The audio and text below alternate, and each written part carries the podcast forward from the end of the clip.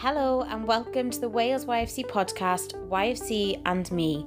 Thank you for supporting the movement by listening to this podcast, and I hope you enjoy the guest that's about to speak.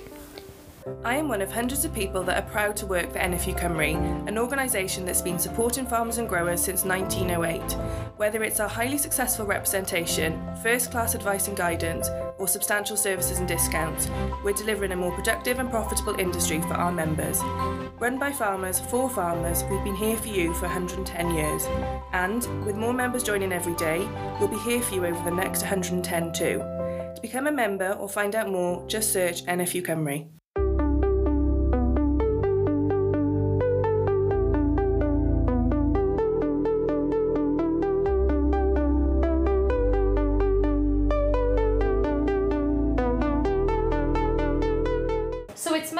Afternoon uh, at the 30th Royal Welsh Winter Fair, and I'm joined in Llanelwedd for the podcast by uh, Hannah Thomas.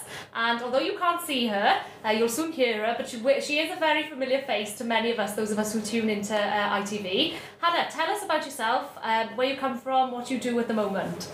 So at the moment, I'm part of ITV Wales, obviously, and I do the news programme, Wales at Six, and Coast and Country programme. And that's really our flagship programme, Ellen, as far as countryside issues go, rural affairs.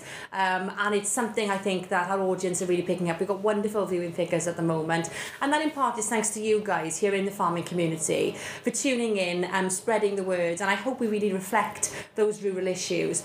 Um, it's something I've always wanted to do um, since I was about 10 years of age. You know, it happened here on the showground. This was where my dream began um, to go into rural affairs journalism. I always wanted to work in television. Um, and when I joined ITV, that was always a sort of ambition longer term. And over the past few years, I think I've developed that more and more. My patch has sort of gone up as far as sort of Llandrindod Wells, and I've got more and more farming communities into our coverage on Wales at Six.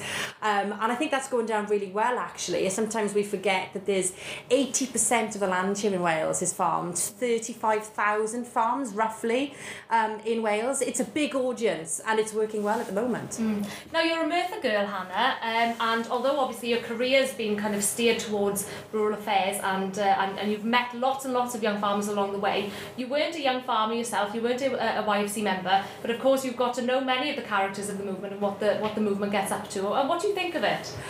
Fantastic. I mean, I think it develops skills for later in life, not just within farming, um, but it sounds really odd. I'm speaking to you now, and I see a presenter looking back at me. I don't see, I don't see somebody who's gone to Oxford and done biology. I see somebody who's actually doing my job, um, and that's primarily is not just down to your talent, but also the YFC because public speaking events involved with the movement and having that confidence to get up on stage and talk to you know maybe hundreds of people in front of you. That's what the YFC does. Um, it's a vital part of our rural communities, um, and I think you know with the average age of a farmer increasing all the time, I think it's now in its 60s in Wales. This is a vital thing to have really because it means that you know young farmers come in through all the time. I, I try and uh, incorporate as many young farmers as I can in our coverage um, because that's the way the industry has to go. Um, and I think you know it's it's a great way of linking up with those communities um, and as I say, is developing your all round skills. Yeah, absolutely. Now, if you were a young farmer, uh, given the breadth of the opportunities available to those who are members of the movement, what do you think your favourite competition might have been? What would you like to have had a go at if you were uh, 26 years now and, and could join the movement? Oh, that's a question. Well, I was always known a little, as a little bit of a diva in school. I was Okay. a bit of a performer. Um, so I liked to like being on stage, loved acting, loved singing, um, as well as sort of speaking. So I'd probably have a go at those kind of competitions more than the sort of livestock judging, if you like. I'd probably like to be be the drama queen, if you like, because there, there's no ego in me whatsoever. I can assure you. Oh, I'm sure you turn your hand to a stock judging competition. If ever you want to have a go, um, there are plenty of us that'll uh, give you the opportunity to do that. But you are past uh, the age at which you could compete in Young Farmers. However, you do get stuck in with the move uh, with the movement in different ways, and and you tell me that you're judging soon. You've done some judging uh, for YFC in the past, and you've got another stint coming up.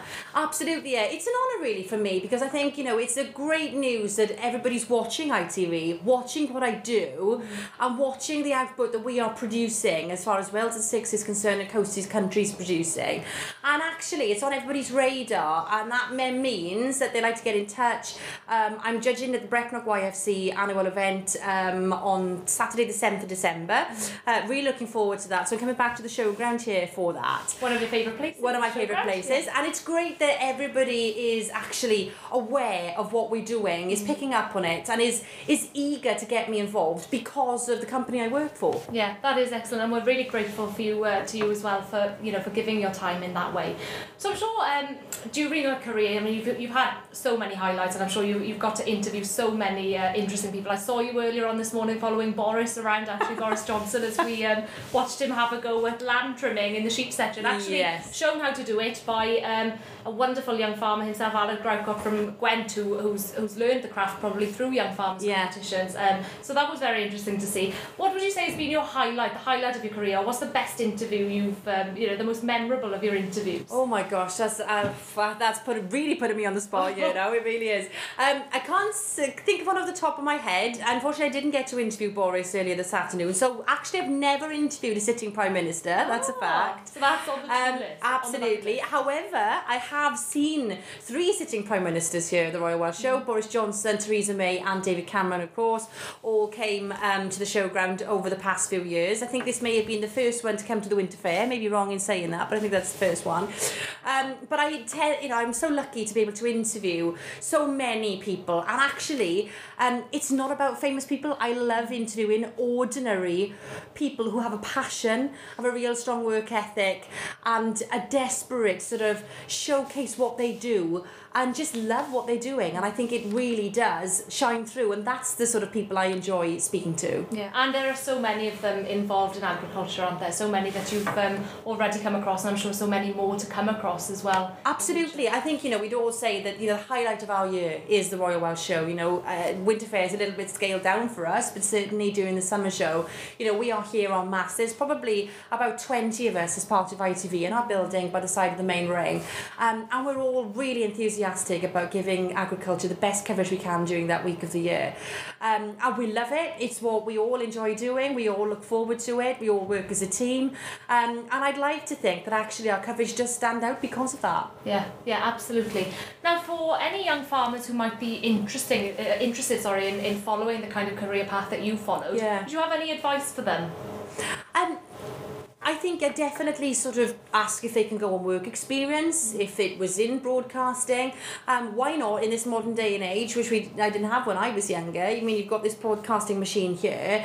Uh, why not do a, a video diary or something on your farm and show exactly what you're doing and send it in to the, especially if you speak Welsh, send it in to ITV, BBC, S4C, and just put yourself out there, you know, and hopefully we'll get some feedback from that. I remember there was a gentleman down in Tregaron, Hugh, he was part of our Coast and Country mix up for a while. He did a, a diary down in um, Tregaron about sort of gardening and, and his sort of skills there. He had a, a channel as well on, I think it was YouTube.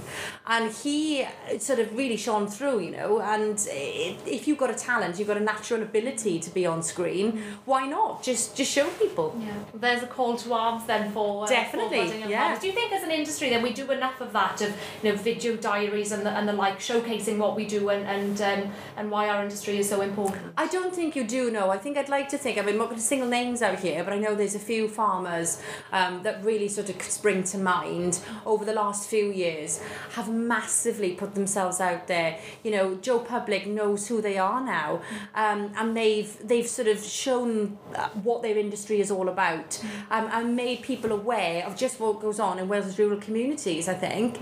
Um, and I think, you know, that if the industry is to survive, I think that massively needs to be done um, because, uh, dare I say it, maybe all of us need to be educated that bit more on what actually happens and maybe dispel some of the myths out there, you know, um, because there's lots of different viewpoints about, um, you know, climate change, about um, veganism and healthy eating, and whether red meat is part of that picture.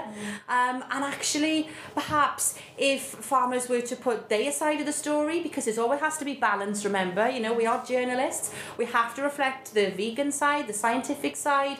You know, there's lots of different views out there, but just make themselves maybe part of that mix so we all get a variety of viewpoints. Absolutely. I think as you as you say, there there is a story to be told. The time has never been right then I guess our movement should be at the heart of telling that story, um, shouldn't it?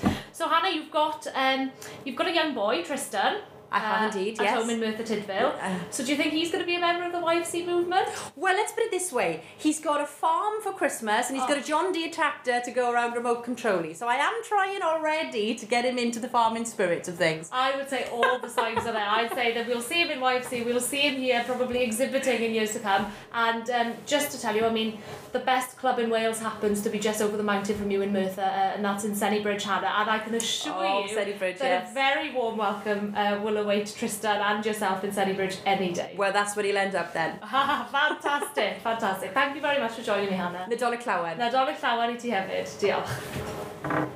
Thank you for listening to the Wales YFC podcast. I hope you enjoyed.